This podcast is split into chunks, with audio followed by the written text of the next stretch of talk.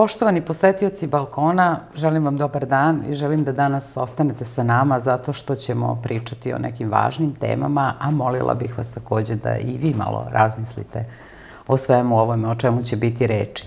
Danas naime govorimo o odgovornosti za izgovorenu reč, pogotovo kada je ona izgovorena u javnom prostoru, u medijima. Pričat ćemo i o tome koliko je teško napustiti zoni komfor, zonu komfora onda kada je to potrebno, kako da znamo kad je potrebno, zašto je to toliko teško, kako da naučimo da se borimo i kad doživimo pad i ono što je možda još važnije, kako da svoju decu naučimo tome i sve druge, naravno. Moja gošća je više nego kompetentan sagovornik za sve ove teme, a i mnogi druge koje ćemo danas otvoriti. Ona je pedagog, psihoterapeut, autor brojnih edukacija, edukator, autor nekih interesantnih emisija i TV lice. Marija Milenković, dobro mi došla. Hvala ti na divnoj najavi. Ja stvarno, posle ovakvih reči, ne znam šta bih rekla. U ja da nastavim da pričam. Možeš, apsolutno. Prvo mi je jako drago što sam tvoj gost. Ovaj, to moram da kažem, zato što te privatno ovaj, poznajem i obožavam i delim ovaj, zadovoljstvo uh, za ovaj razgovor koliko i ti. I mislim da si ti apsolutno kompetentno da pričaš posebno o reči, kada u najširem smislu. A, a ovaj, teme su više nego zanimljive, e, možda čak i onako baš za razmišljanje. I ne znam koliko ćemo i ja i ti i bilo ko drugi pametniji od nas dati konkretne i tačne odgovore. Ja, Ali mislim da, da to i nije cilj. Da. Ovaj, mislim da je cilj da razmišljamo o tome i da je razmišljanje dovoljno već korak izlaska iz zone komfora. Pa evo, prvo želim da te pitam, pošto te mesecima, eh, evo, prethodnih mnogo meseci, viđamo na različitim televizijama, kako govoriš na vrlo raznovrsne teme, od nasilja u porodici, fatalne ljubavi, nekih društvenih pojava koje treba prokomentarisati, E, mislim da bi baš bilo dobro da nam kažeš kolika je tvoja odgovornost za izgovorenu reč, a, pogotovo u javnom prostoru. Da li razmišljaš o tome kada daješ odgovor na pitanja ili kad si u nekim emisijama e, gde razgovor krene onako spontano u nekom trenutku pa se čovjek malo opusti i gde je ta granica između onoga što mi privatno recimo o nečemu mislimo i onoga što izgovaramo javno? Uh, kompleksno i dobro pitanje. Ali ako bi pitala novinare, voditelje i ljude iz javnosti koji sa mnom sarađuju na tim temama i koji meni postavljaju pitanja, oni bi, kao što je jedan mladi novinar rekao, ovaj, rekli, Bože, e, ti si sagovornik koji sluša pitanje. I kaže, u tvojem pogledu ja prepoznajem da ti apsolutno svaku reč koju ja postavim, odnosno svaku reč u toj rečenici i te kako razmatraš. I onda daješ tek odgovor. Kaže, to nemam utisak sa drugim sagovornicima. Oni kao da već znaju šta će da kažu i nekako razmišljaju slušaju o tome šta će re, tako je, slušaju sebe iznutra i odnosno pripremaju se, vežbaju se, vrte verovatno tu rečenicu sebi u glavi i onda daju taj odgovor na bilo koje pitanje. Tako da u tom to već govori o tome da ovaj, i tekako razmišljam o tome šta treba da kažem, šta govorim zapravo. Uh, da to ima uvek neku edukativnu notu, odnosno da izražava neka moja znanja o toj temi. Jeste, ja na mnoge teme gostujem, ali e, priznaćeš da je psihologija, pedagogija, vaspitanje, život, bračni, partnerski odnosi i te najšire teme su zaista prvo najaktualnije teme, drugo u svakoj od tih tema se krije psihološki stav, psihološka znanja o čoveku kao društvenom, socijalnom, pa da kažem i individualnom biću, biću koje je svojstveno onako, kako da kažem, nekim svojim utiscima okoline. Tako da pozvana sam upravo na te široke teme zato što u svakoj od tih tema psihologija daje odgovor daje odgovori na partnerske odnose i na odnose u porodici i pa i na aktualna neka dešavanja u društvu. Dakle, tu je, tu je i, i socijalna psihologija vrlo važan činilac. Tako da i tekako razmišljam, odgovor na tvoje pitanje je da i tekako razmišljam da iz mog odgovora neko ko sluša dobije neki pojam o toj temi i da dobije, opet da kažem, neki, da kažem praktičnu neku stvar, neki savet možda i to bi bilo dobro. Uh, da iz toga negde izvuče neke smernice za njegovo delovanje u njegovom životu. Mislim da svako od nas iz svakog intervjua i svakog razgovora može nešto da nauči. Trebalo bi da je tako. Dobro, razumem da je tvoje polje interesovanja i izučavanja jako široko i da si u tom smislu sigurno dobar sagovornik na mnoge teme. Međutim... Ja to mi često kažu, da, da, da, da, kaže prosto, nekako to teče, nekako je to... Pa da, teče onda kada se nešto specijalno ni ne pripremate, zato što su to neke teme koje vi živite. To su teme koje kroz rad i kroz posao, ne samo psihoterapeuta, nego i kroz lične uloge koje imamo u, u, kao roditelji, kao supružnici, kao žene, negde doživljamo i preživljamo. Nekada je važan autentičan doživljaj svakog od nas određene teme. A, ne mora to da bude stručni savet, ne mora to da bude preporuka. To može da bude jedan autentičan životni događaj koji može da pomogne drugim ljudima da u krajnjem slučaju uvide, uvide svoje a, slabe strane, uvide neke mogućnosti za dalje razvoj. Tako da, da i to može da bude. Sigurno ti se desilo nekada da a, si lično, da je tvoje iskustvo lično a, takvo da ti nameće delovanje suprotno onom što bi ti sad javno preporučila. Vidi, to su e, vrlo osjetljive jest, situacije. Jeste, jeste. E, ovako, ja bi to ovaj, nazvala jednom mudrošću, odnosno socijalnom inteligencijom. I socijalna inteligencija je vrlo važan faktor opstanka i favorizacije negde u društvu svakog pojedinca. Mi negde uvek trebalo bi da pre nego što ispoljimo neka, neke stavove, preispitamo o, da li smo spremni na posledice izlaganja takvih stavova. I onda se često pitam da li, ako ja iskažem sad, prvo, kome je važno moje mišljenje na tu temu, u kojoj meri, koliko je meni važna data situacija da se ispoljim, i ako se to sve poklapa, ako su po, odgovori pozitivni, onda ću svakako reći to svoje mišljenje, pa sad, naravno, spremna na razne okolnosti koje čekaju u uh, socijalnoj sredini kao odgovor na moje mišljenje. I negde svest o tome da niko od nas nije savršen i da uvek postoji kritika, na određeno ponašanje, da postoje, kako da kažem, i lični stavovi koji, se, koji su, su suprotni mojim, Pa postoje neki opšti postulati koji su suprotni mojim razmišljanjima, ali čovjek pre nego što se upusti u javno debatovanje, izlaganje svog mišljenja, mora da bude svestan onoga što dolazi posle toga. Dakle, da bude svestan uh, odgovornosti koju prvo preuzima izlaga, iznoseći to mišljenje, jer to mišljenje može i tekako da je diskriminiše, može da povređuje, može da otvara neke uh, da kažem, neprihvatljive aktivnosti u društvu, da pobuni ljude, da zbuni ljude, može da dovede do raznih posledica, da kažem, u nekom širem kontekstu. A u užem kontekstu može da izazove reakcije koje mi jednostavno ne možemo da prihvatimo, s kojim ne možemo da se nosimo. Pa onda postoje javne ličnosti koji se nekada i kako pokaju što su rekle nešto što su mislile u tom trenutku, već u sledeće možda to nije bilo tako. Tako da je relativ, relativitet uopšte e, postavljanje iznošenja svog mišljenja treba da bude u tom javnom diskursu ograničena na moj lični subjektivni stav. U ovom trenutku ja lično mislim tako što ne znači da je to nešto sa, za čim treba da se vode drugi ljudi. I evo, pošto idem sa, sa jednog predavanja asertivnosti, asertivna komunikacija kao ključ u stvari uh, ne samo javnog mjenja, nego ključ e, uspeha u komunikaciji među ljudima u svim nivoima, upravo zagovara tu tezu. Zastupam sebe, poštujem tebe. Dokle god postoji elementarno poštovanje, dokle god postoji uvažavanje sagovornika, kogod on bio, s druge strane, bez obzira na njegove kvalifikacije, znanja i tako dalje, dokle god imamo mogućnosti da naučimo se asertivnosti, imaćemo manje štete u tom smislu.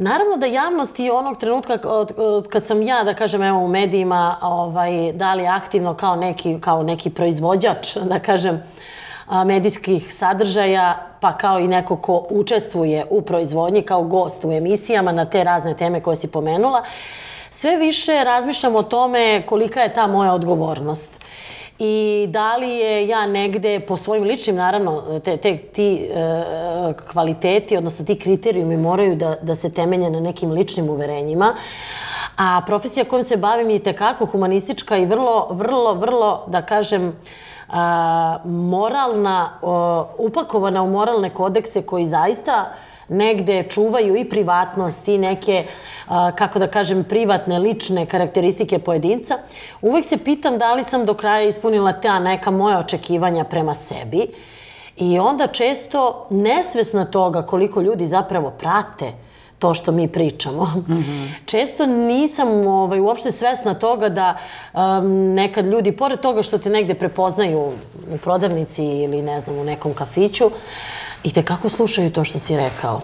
I ta svest onako malo može da bude onako zastrašujuća, da ipak neko to čuo i da neko o tome razmišlja.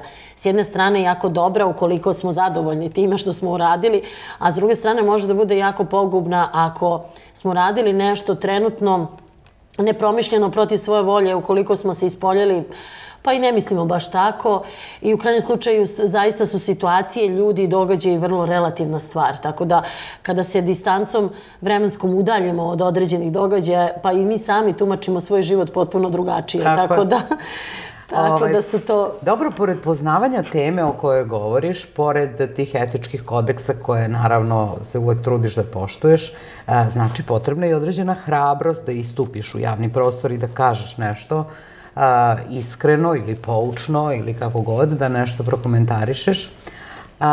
E pa sad kad smo već kod hrabrosti, potrebna je hrabrost naravno i za lični, običan, individualni život svakog od nas i hrabrost da ono što sam spomenula u uvodu, da ustanemo kad dođe do nekih padova i da, ili da napustimo zonu komfora kad to više ne daje rezultate, takav život. Pa bih voljela da nešto kažemo i o tome. I evo, naravno, uvek je lični primer dobar, pošto te, evo, godinama znam. Znam da i tekako umeš da ustaneš i da uzvratiš udarac. Ovde ne mislim na neprijatelja, nego da. mislim pre svega na život, na borbu i tako dalje. Kako učimo druge tome? Kako učimo svoju decu tome? Da li nekom pričom ili ličnim primerom? I da li možemo da naučimo svako dete ili svakog čoveka? Ili je to ipak nešto što čuči u karakteru. Ja, ja sam sigurna da ti znaš mnoge odgovore ovaj, na ta pitanja i toliko, da, i dugo se već znamo, tako da već znamo kako razmišljamo. Ja i ti mm-hmm. smo opet toliko različite, a toliko iste. Eto, tako i u životu sa ljudima. A, kako da ljudi izađu i nekako istupe u svom životu i nekako ono što sada već floskula uzmu život u svoje ruke. I nije to lako. To je zaista jedan proces. Kad kažem proces, to znači da prvo ne traje kratko i da iziskuje onako baš upornost. A, ja uvek krećem od toga da prvo moramo da znamo ko smo i da najbližu sliku o sebi negde moramo sami da osvestimo ne samo u interakciji sa drugim ljudima, nego konkretnim radom na sebi. A, mislim da psihoterapija kao metod daje puno, puno resursa, puno prilika da vi na jedan neinvazivan način dođete do svoje suštine. Jer ako ne znamo ko smo, ne znamo ni koga treba da biramo. Ne znamo ni koga, ko, kako treba da se obhodimo sa drugima i ne znamo a, da u, generalno životu pravimo dobre izbore. Naravno, nismo uvek svesni toga i nismo uvek svesni ni sebe u potpunosti. Kako da izađemo iz zone komfora? A, to je, mislim, pitanje koje je jako teško. Mislim, prvo je neprijatno uopšte izlaziti iz zone komfora. Ako se već mhm. kaže zona komfora, misli se na jednu prijatnost. Tu je udobno, ali to uopšte ne mora da bude udobno. Zona komfora nije zona udobnosti. Komfora da mi ništa ne radimo. Komfora da mi ništa ne preduzimamo.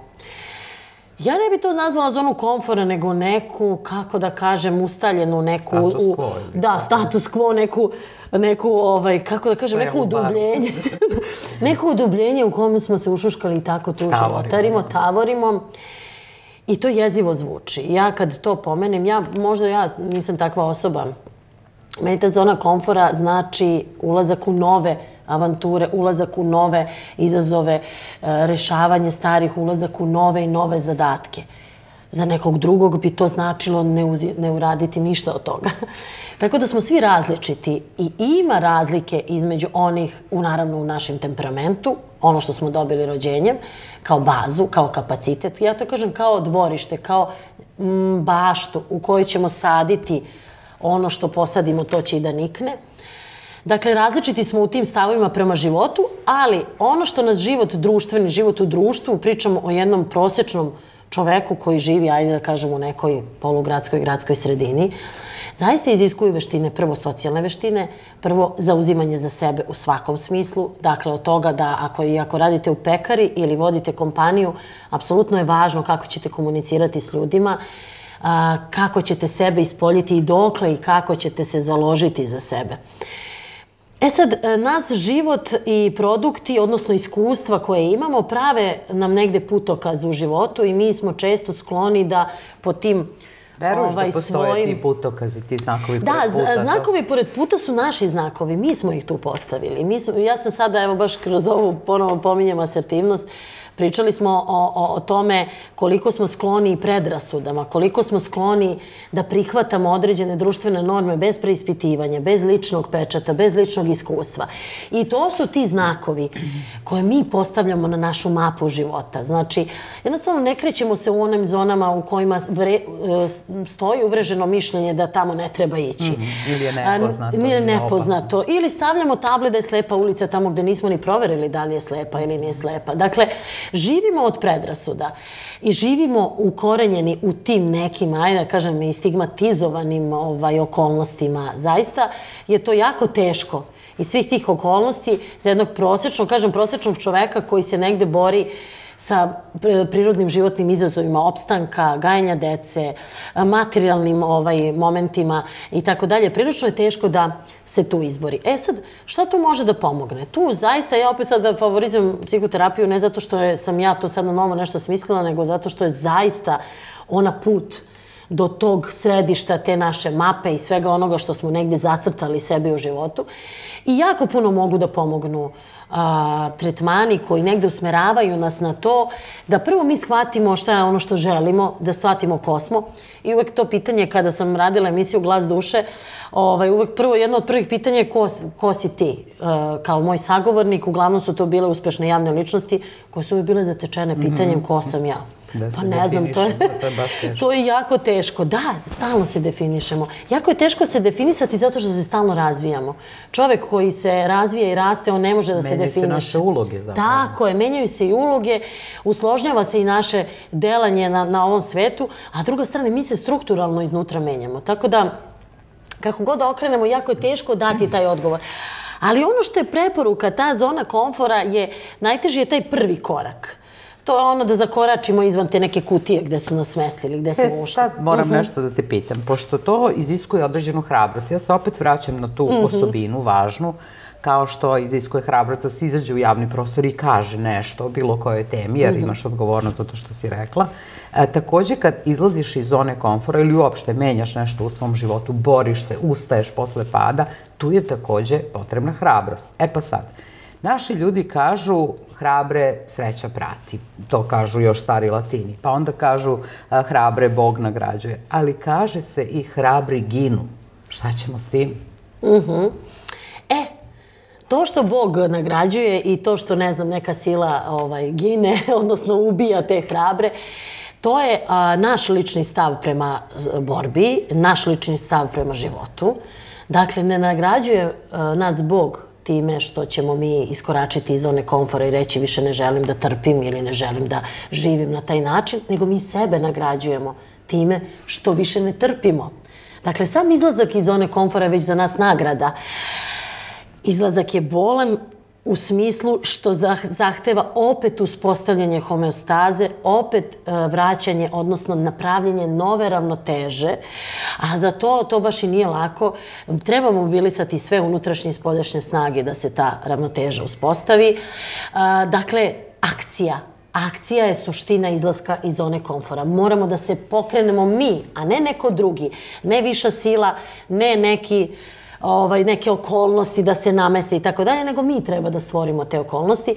Ja sam se uvek trudila da kroz svoj lični primer i svojoj deci pokažem kako se nosi sa životom. Dakle, mi možemo deci da pričamo šta god hoćemo. Možemo da pričamo kako je ružno vikati, a da vičemo. Možemo da pričamo kako je ružno svađati se da se svaki dan svađamo.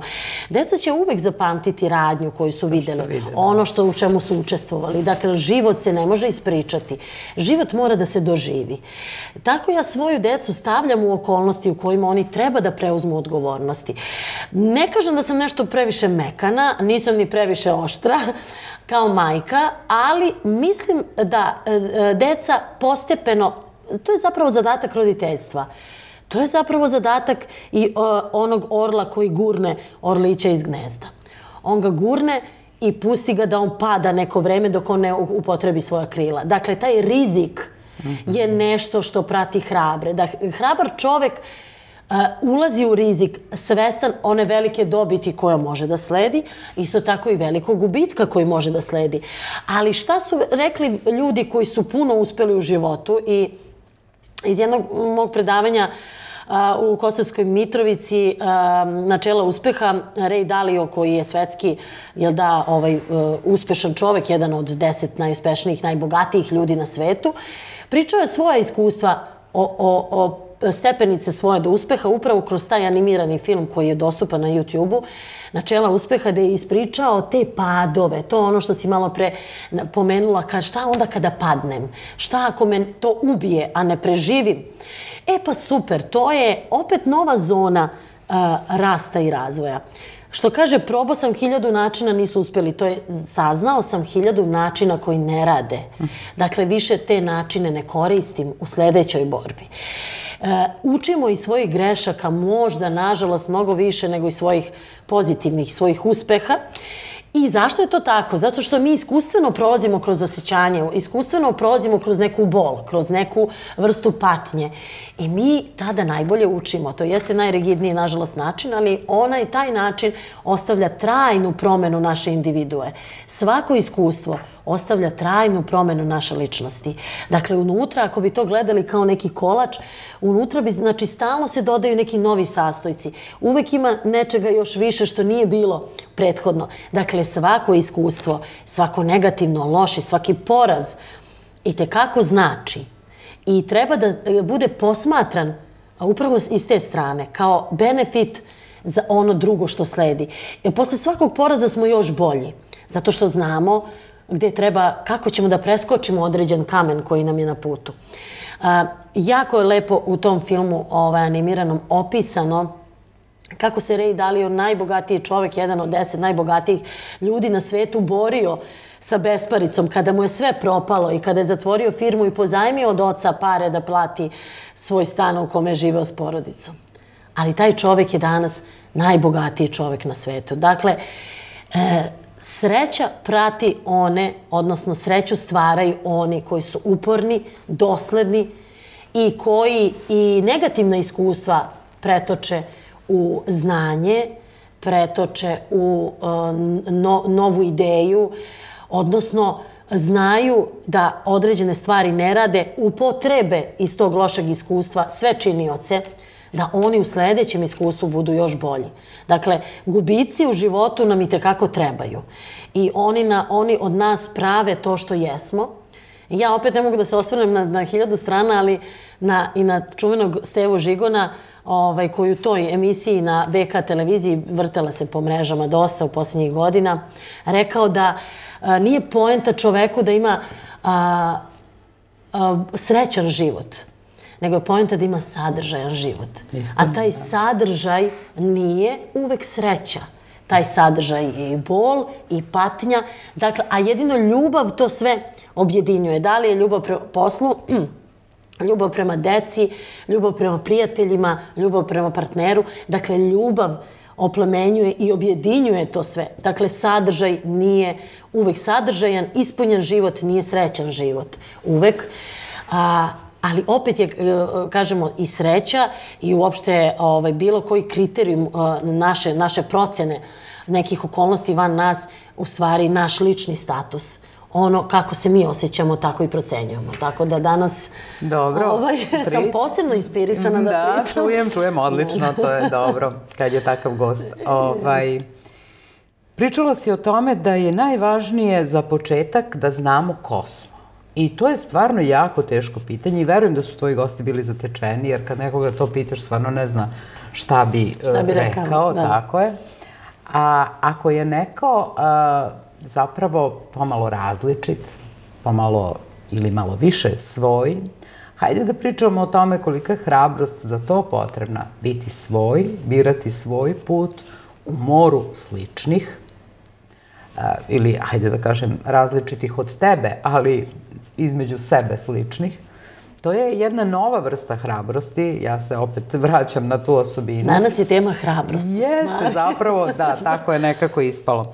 Koliko je to teško, koliko tu puta treba da se ustane i šta bi tu značio pad i koliko e, može da nas ojača, a koliko da nas povredi i uruši možda ta, ta stigmatizacija, taj stav, taj stav okoline koja generalno podleže predrasudama, o tome si već pričala, i hajde malo da pričamo o tome, pošto ja mislim da si ti različita. Hvala ti. Vidiš, shvatila Pa si to kao kompliment. Da, da, Da. Eto, to je pitanje našeg uh, Da, odnosa pozicije, prema- da. tako, odnosa prema kritici. Mi možemo ovaj, uh, kritiku, uh, p- pitanje je tvoje zapravo kako se nosiš sa kritikom, kako se Ajde, nosiš sa može i tako. neodobravanjem, sa tim što radiš, a želiš da budeš, kako opstati autentičan, biti svoj. Tako je. Ovaj, pa jeste to vrlo teško, ali e, teško je em, onog trenutka kada negde se poljuljaju naše osnove, kada mi negde, to su e, prelomni, teški životni trenuci kada ti zaista izgubiš onu neku, da kažemo, tlo pod nogama. I takvih okolnosti na sreću, ja bih rekla na sreću, a neko na žalost ima puno. Kaž, zašto kažem na sreću? Zato što to formira mene takvu kakva jesam. E, ja e, svaki izazov u životu te vrste, svaku kritiku, svaki negde, ajde da kažem, a ne mora kritika da bude ni loša, ali ajde gledamo iz te perspektive neodobravanja, nepodržavanja. Gledam kao e, novo, ne da kažem iskušenje, ali novu vežbu, trening za moje sposobnosti. I svaki put kad sam se našla, našla sam se dosta puta u životu, iako sam imala relativno normalno, obično detinstvo kao i sva druga deca, I to neko odrastanje u doba e, raznih kriza, ekonomskih sankcija i raznih čuda koje su nas zadesile, vrlo sam se dobro snalazila i svaki moj negde iskorak van zone komfora, odnosno pra, e, praćenje te moje prirode, je negde došlo, da, na neodobravanje okoline. To je možda za nekog bilo prenaglašeno, za nekog je bilo... Pa ja imam i to i danas. Da, možda danas više nego ikad. Zato što sam danas e, više u medijima i više se izlažem opasnostima te vrste. I ne mogu da kažem da ne treba e, da to čoveka ne pogodi. Daleko od toga. A, svaka kritika me pogodi. Naravno da me pogodi, ali pogodi me tako da me podstakne da razmišljam o tome. Da razmišljam a, o, o tome kako ja to izgledam u očima drugih. A, k- e, kakvu, kakva je to slika e, koju ja šaljem? Da li je ta slika koju ja šaljem u saglasju sa onim što ja želim i osjećam? dakle, negde... jesi. Ili što ja jesam, tako je. Želim i osjećam i jesam. To što sve zajedno. I natera me, da, da razmišljam o tome, pogodi me u tom smislu da me podstakne na razmišljanje. E, Ne podstakne me nekada davno, da, sećam se pionirski grad, mi pioniri, Titovi, e, priredba, takmičenje parovi u igranju, I naravno ja kao dupla lavica moram da pobedim. mi, mi smo tu nešto igrali. U stvari, moje odelenje nije mene kandidovalo da ja igram za to, za naše odelenje. I mene je to jako pogodilo. Ovaj, mnogi će se prepoznati, to su one prave, istinske, znači dečije, dečiji doživljaje života. I ja sam revoltirana od, o, zbog te, toga, otišla i sama se prijavila da, da igram za osmo dva, odnosno tad je bilo, ne znam ko je već, četvrto, peto dva. To je bila novogodišnji bal. Ja sam igrala, ja sam stvarno pobedila. Eto, to kažu, sreća prati hrabre, da nisam igrala i da sam se povukla, možda ništa od toga ne bi bilo. Ja bi bila tužna, svakako. Ali ja mislim da sam ja plesala sa suzama tad u očima, zato što nisam bila prihvaćena od svojih drugara, a opet sam jako želela da učestvujem u tom takmičenju. I dobila sam medu kog imam i danas, znači kao nagradu za prvo ono kao princeza večeri, princ večeri, kako već to ide. I meni je ta scena ostala jako onako urezana u pamćenje. A ta moja upornost je negde dovela da sam je ipak ostvarila. Možda je to za nekoga bilo preterano. Možda su se moji drugari opravdano bunili. Možda nisu želeli jednostavno da ih ja predstavljam. I to je iz ove sadašnje perspektive skroz okej. A za tebe je to bilo neprihvatljivo. A za mene je to bilo ne... Ali ja sam ipak nekako došla do tog cilja. Dakle, uh, ima u svemu tome i u toj upornosti ima, ima te i te hrabrosti i ima te istrajnosti. Dakle, izgurati do kraja. Nekada to nije dobro ako nije, naravno, saglasju sa tobom iznutra ili ako to radiš zbog nekih drugih okolnosti pa se ne osjećaš dobro, ali ako se osjećaš dobro, naravno sad sam kroz svoje školovanje naučila da budem asertivna, da se založim za sebe, da, da, druge, da druge poštujem, da ovaj, nekako zaista održim one, ona ljudska prava ovaj, da, da ostvarim i odnosno da i drugi ostvare svoja prava u odnosu na mene i da nekako to izbalansiram. Ali mislim hrabrost da se ispoljiš to što kažeš, to, tu svoju autentičnost, uh mhm. -huh. nije ni malo laka. A, kritiku koju dobiješ, može da bude povređujuća, može da bude vrlo fatalna. Mi smo imali u javnosti razne priče o maloj youtuberki koja se ubila, o mnogim mladim ljudima koji su sebi oduzeli život upravo zbog toga što nisu bili prihvaćeni u društvenoj grupi i nisu se osetili dobro. Zbog toga, i to se fatalno završilo, jer nisu imali nekako podršku i potporu unutar sebe. Uh, Kada shvatiš, kada dođeš do, do, do te tačke razvoja, a nažalost neki ljudi ne dođu do te tačke, mm -hmm. da se decentralizuješ u odnosu na svoju ličnost, odnosno da shvatiš, dobro, nisam najbolja, ali hoću da učestvujem. Ok, možda tebi nisam dobra, ali ja, meni se to sviđa ja to želim. Dakle, prihvatanje da postoje drugačija razmišljanja, prihvatanje da postoje drugačije misli, kriterijumi, afiniteti, želje i tako dalje, uvažavanje toga, ali donekle ipak da slediš svoje neke ideje i svoj, svoj neki osjećaj. Dakle, osjećaj u kom se ti dobro... Život, životne okolnosti, posao, prijateljstvo u kome se dobro osjećaš, to je to.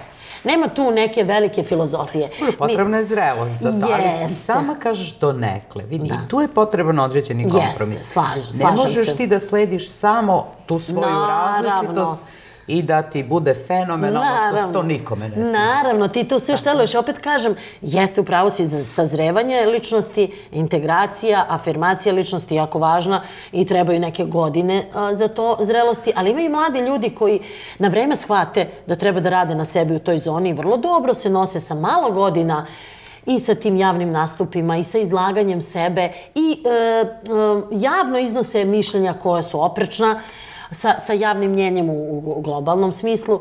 Tako da, e, dakle, potpora, oslonac smo mi sami. Važna je porodica, važna je baza odakle smo krenuli i sve ono što nam se negde dešava ima svoju pozadinu. Dakle, sve ono što smo postigli, postoje razlozi, e, naravno u našoj ličnoj istoriji, koji su nas negde na to naveli ili doveli do tog trenutka gde mi jesmo u Dobro, ali volela bih da kažem zbog ljudi koji nas slušaju, mm -hmm. da i onda kada ta primarna porodica nije najsrećnija Naravno. u smislu odnosa, u smislu načina odgajanja deteta, to jest nas, kad smo bili dete, ovaj, e, mi imamo šansu, svakako imamo šansu svakako. da u jednom trenutku to Naravno. prevaziđemo, odradimo, što se kaže, porastemo i da ovaj, kročimo dalje, dalje hrabri i da nemamo stalno taj pritisak, eh, odnosno nekoga koga uvek možemo da optužimo za lične neuspehe. Tako, pa dobro, to je mehanizam odbrane. Vrlo, vrlo važno. To je mehanizam odbrane. Nekada da. nam i to treba. Bude nam lakše u tom trenutku nekog drugog da optužimo, ali onda kad se suočimo sa sobom, mi ne možemo zapravo nigde ni da pobegnemo od sebe. I šta god radili, šta god činili, koga god optuživali, naš najveći teret ćemo mi sami nositi. Tako da je jako važno da se suočimo sa tom vrstom oslobađanja od tog ega, ali onog ega, ne ono koji je zdrav. Postoji deo ega, naravno količina ega koja je potrebna da bi čovek opstao i živeo, ali ona preterana, ona doza dodatna doza egoističnog stava nas zatvara, zapravo zatvara nam sva vrata da mi lično rastemo i razvijamo se. Znači, to nije pitanje drugih, nego pitanje nas samih. Dakle, ako u toj zoni negde uredimo taj deo, ako prihvatimo i shvatimo da nismo jedini najbolji i ne znam ja već jedini ispravni, eh, onda ćemo shvatiti, onda ćemo i sebi dati mogućnost da pogrešimo kao i drugima. Dakle, ništa nije tako rigidno i to što ti kažeš nije lako, naravno da nije lako, da postoji, treba da postoji, treba da postoji i potpora i vreme i iskustvo, ali nije da ne možemo. Dakle, evo kažem, situacije koje su bile otežavajuće u mom ličnom životu, uh, odrastanje u prosječnoj porodici bez nekih velikih uh, materijalnih uh, ambicija mojih roditelja, uh, bez neke, da kažem, konkretnog nekog benefita iz te porodice, osim te neke da kažem, aj sirove ljubavi, ono što je bazično, što je, da kažem, osnova neka za, za život. Ništa od toga nešto nisam specijalno dobila da bi ja imala takav stav prema životu. Dakle, nije porodica u toj meri uticala, ali je i takako, recimo, stav majke uticao na to da treba se boriti. Ona je uvek uh, pokazivala a, da kroz život mora da se boriš. Da li da se boriš u prodavnici da dobiješ bolje parče mesa i da dobiješ ono što tražiš u stvari, pa do nekih krupnih stvari u životu. Dakle, pokazivala. E sad, razlika je uvek u ličnosti. A, posto, ja i moja sestra smo različite, u istoj porodici pod istim uslovima. Dakle, ta neka struktura koja, je, koja nam je data nije kod nje aktivirala tu neku ekstravertnost, kod mene jeste. Dakle, Pitanje je sve šta će e, sredina da isprovocira, ali ono što je poruka, mi sami provociramo i e, okolnosti i sredinu u kojoj želimo da se razvijamo i rastemo. Ne postoje okolnosti koje mogu da nas u tome spreče možemo samo da koristimo, možemo samo da koristimo druge mehanizme da bi došli do istog cilja. Dakle, ona moja uvek poruka, nemojte da odustajete, odmorite se ako ste umorni, pa nastavite. Dakle, i promenite taktiku, ali cilj nemojte. Dakle, čovek kroz to svoje življenje stalno šteluje te svoje oru, oružja i oruđa da, da bi stigo do, do cilja. Sad te već e, godinama znam i znam da si radila i u timu i da si dobar timski igrač, no ipak mislim da si soler pre svega, neko ko voli to sama. Inače si bila i u kompaniji, u jednom državnom uređenom sistemu, ako za školu tako nešto može da se kaže, ali mm -hmm. ajde recimo da jeste i u malim firmama i u svojoj firmi, vrtić, ili tako, šta je to mhm, bilo. Mm -hmm. Ovaj, pa mi reci sada iz uh, ove perspektive kako gledaš na te oblike uređenja uh, neke zajednice u kojoj mi obavljamo svoj, mislim, živimo svoj radni vek ili svoju profesiju negde obavljamo. Da. Pa, Koji oblik ti je najbliži? Ili... E, pa najbliži sam, najbliža sam slobodnom umetniku. Da, da, da. da. ovaj, najviše sam u stvari naučila a, ovaj, da li, evo, to sad verovali ili ne, kroz samostalni rad o ljudima, kroz savjetovalište krug i savjetovalište krug je moja neka zamisao još od, od mladosti, od neke rane mladosti, kao nešto što, gde se ja ispoljavam i radim onako kako ja želim i, i dajem neke oblike, odnosno dajem produkte neke ljudima koji će biti zaista korisni. Ako pogledamo korporativni, ako se osvrnemo na korporativni sistem, znači kroz Delta Holding i kroz Link Group, a, sam takođe puno naučila. Ono što je najveći benefit su za mene uvek ljudi, kontakti s ljudima, tako sam se i s tobom upoznala. Ovaj, e, mislim ako čovek ume da uzme da iz svake mhm. organizacije, iz svakog rada, iz svakog posla, pa makar to bilo branje jabuka u voćnjaku. To, to je vrlo važna poruka, da a, može da uzme ono što mu treba i ono što može da ubaci u tu kockicu, u to što sam rekla, tu tortu koja se unutra stalno reorganizuje i pravi mu, mućka, može da uzme sastojke koji su mu potrebni. Svaki kontakt, svaki posao, svako iskustvo je jako vredno da. i dragoceno. Pored toga što upoznajemo druge ljude, sve ovo što sam rekla vežbamo svakog dana, Dakle, vežbamo i da se ispoljimo, pa ne možemo se ispoljavati ako sedimo kod kuće. Mi moramo da uđemo u interakciju da bi probali. Da li sam ja ovako vidiš, pa to mi se sviđa. Neke stvari ne znamo da nam se sviđaju. Dok ne dođemo do njih, dok ne budemo u takvim okolnostima, ne znamo da li nam to treba ili ne. Tako da hoću da kažem, korporativni sistem daje jedan, jednu vrstu discipline. Uči nas da postoje rokovi, uči nas da postoji Excel tabela, koja meni jako teško pada uopšte ta vrsta administracije. Ja se tu onako baš ne snalazim, ali sam se trudila da to negde ispoštujem taj neki minimum koji se od mene traži, iako nisam pobornik toga.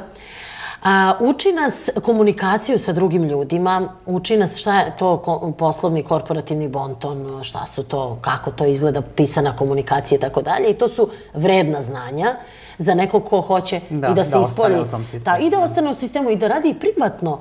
Jer tu naučiš neke ključne stvari, vrlo jasno. Ovaj, ali korporativni sistem je za neku drugačiju vrstu ličnosti u odnosu na mene. to, to i ti sama znaš kroz naše zajednička iskustva. A, ko ima, a, i to je jako dobro, dakle, ne, ne želim uopšte da, da, da negde degradiram korporativni sistem, korporativna zamisa uopšte funkcionisanja tih velikih sistema, Ona ima svoju svrhu, jasno se znaju uloge, podela, hjerarhija uloga je vrlo jasna, granice su postavljene. Naravno, lične granice nikad niko neće vam postaviti umesto vas, to morate sami. Ali nekako se zna taj hjerarhijski odnos i to neko funkcionisanje. Meni to lično nije kreativno i meni je to degradirajuće, meni je to sputavajuće i to je nešto što me guši i u čemu ja vrlo kratko mogu nekako da opstanem. Zašto? Zato što mislim da je kreativnost i ta neka sloboda stvaranja mnogo više od uređenog sistema od 9 do 5 ili već što opet za drugu vrstu ličnosti koja pogoduje ovakvom sistemu može bude sjajan posao. Zaista i sa dozom kreativnosti i sa nekim popunjavanjem vremena i sa jasno određenim smernicama, putokazima šta, kada treba uraditi i dokle. I veruj mi da je to lakši način uh, poslovanja i života, Ako vam neko zada zadatke, a vi ih izvršavate. Jako je teško kad vam neko da potpunu slobodu i kaže, ajde sada napravi od toga nešto. E, odlično. Hoću samo da se zaustavimo za trenutak, pošto bih voljela da iz ovog izvučem jednu poruku za naše a, slušalce, pogotovo one mlade koji tako nađu posao. Znamo da danas i nije baš tako lako naći ta, posao, mislim na onaj posao koji je, ne znam, mesečno primanje.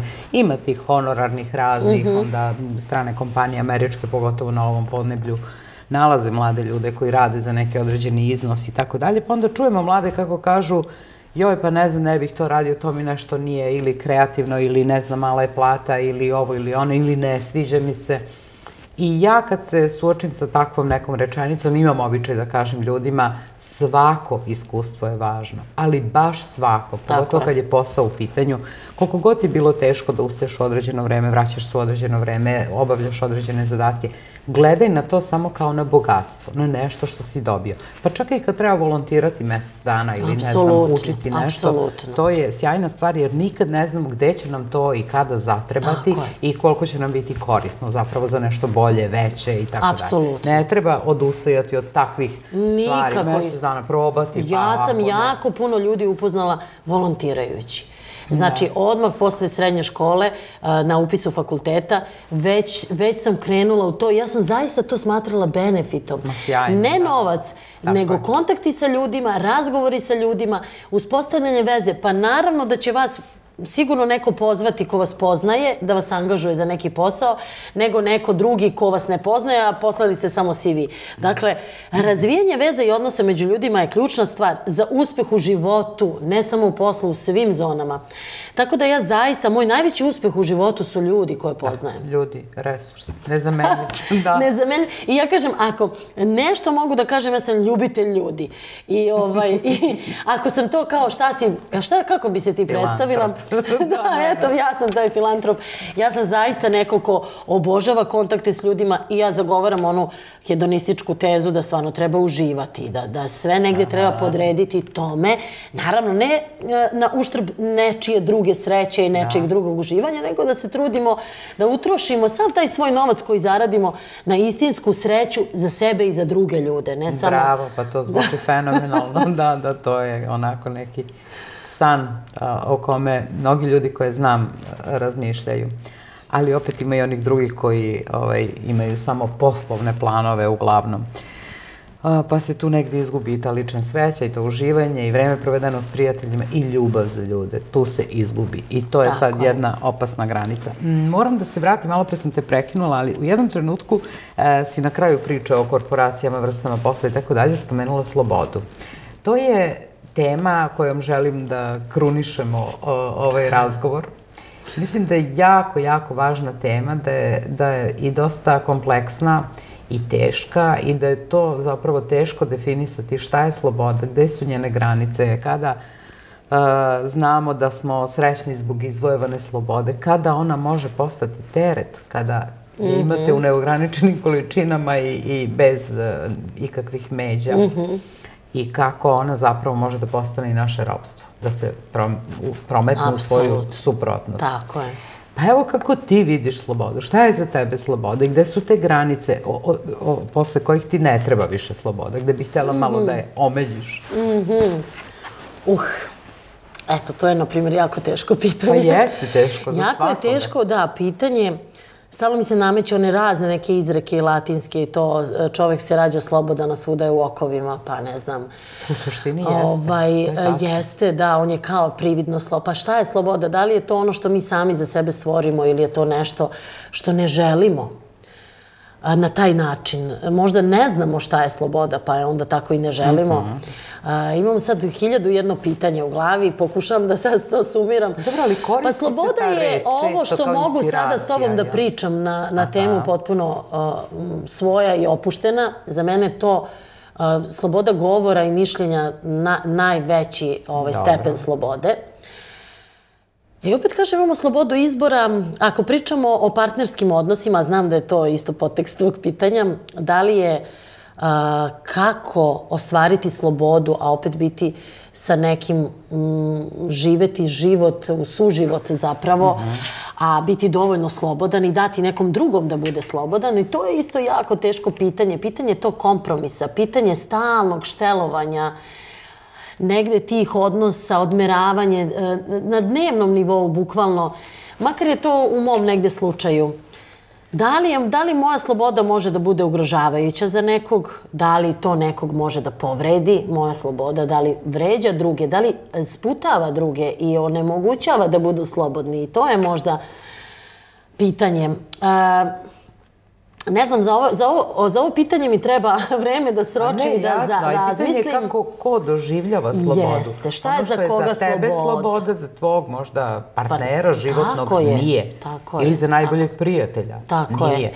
Mi zapravo kao društvena bića, a to sam slušala i, i prethodne razgovore sa tvojom koleginicom, jeste u stvari um, težnja da a, se nekome, da sa, sa nekim, da, u stvari traganje za slobodom nas vodi u nove okove.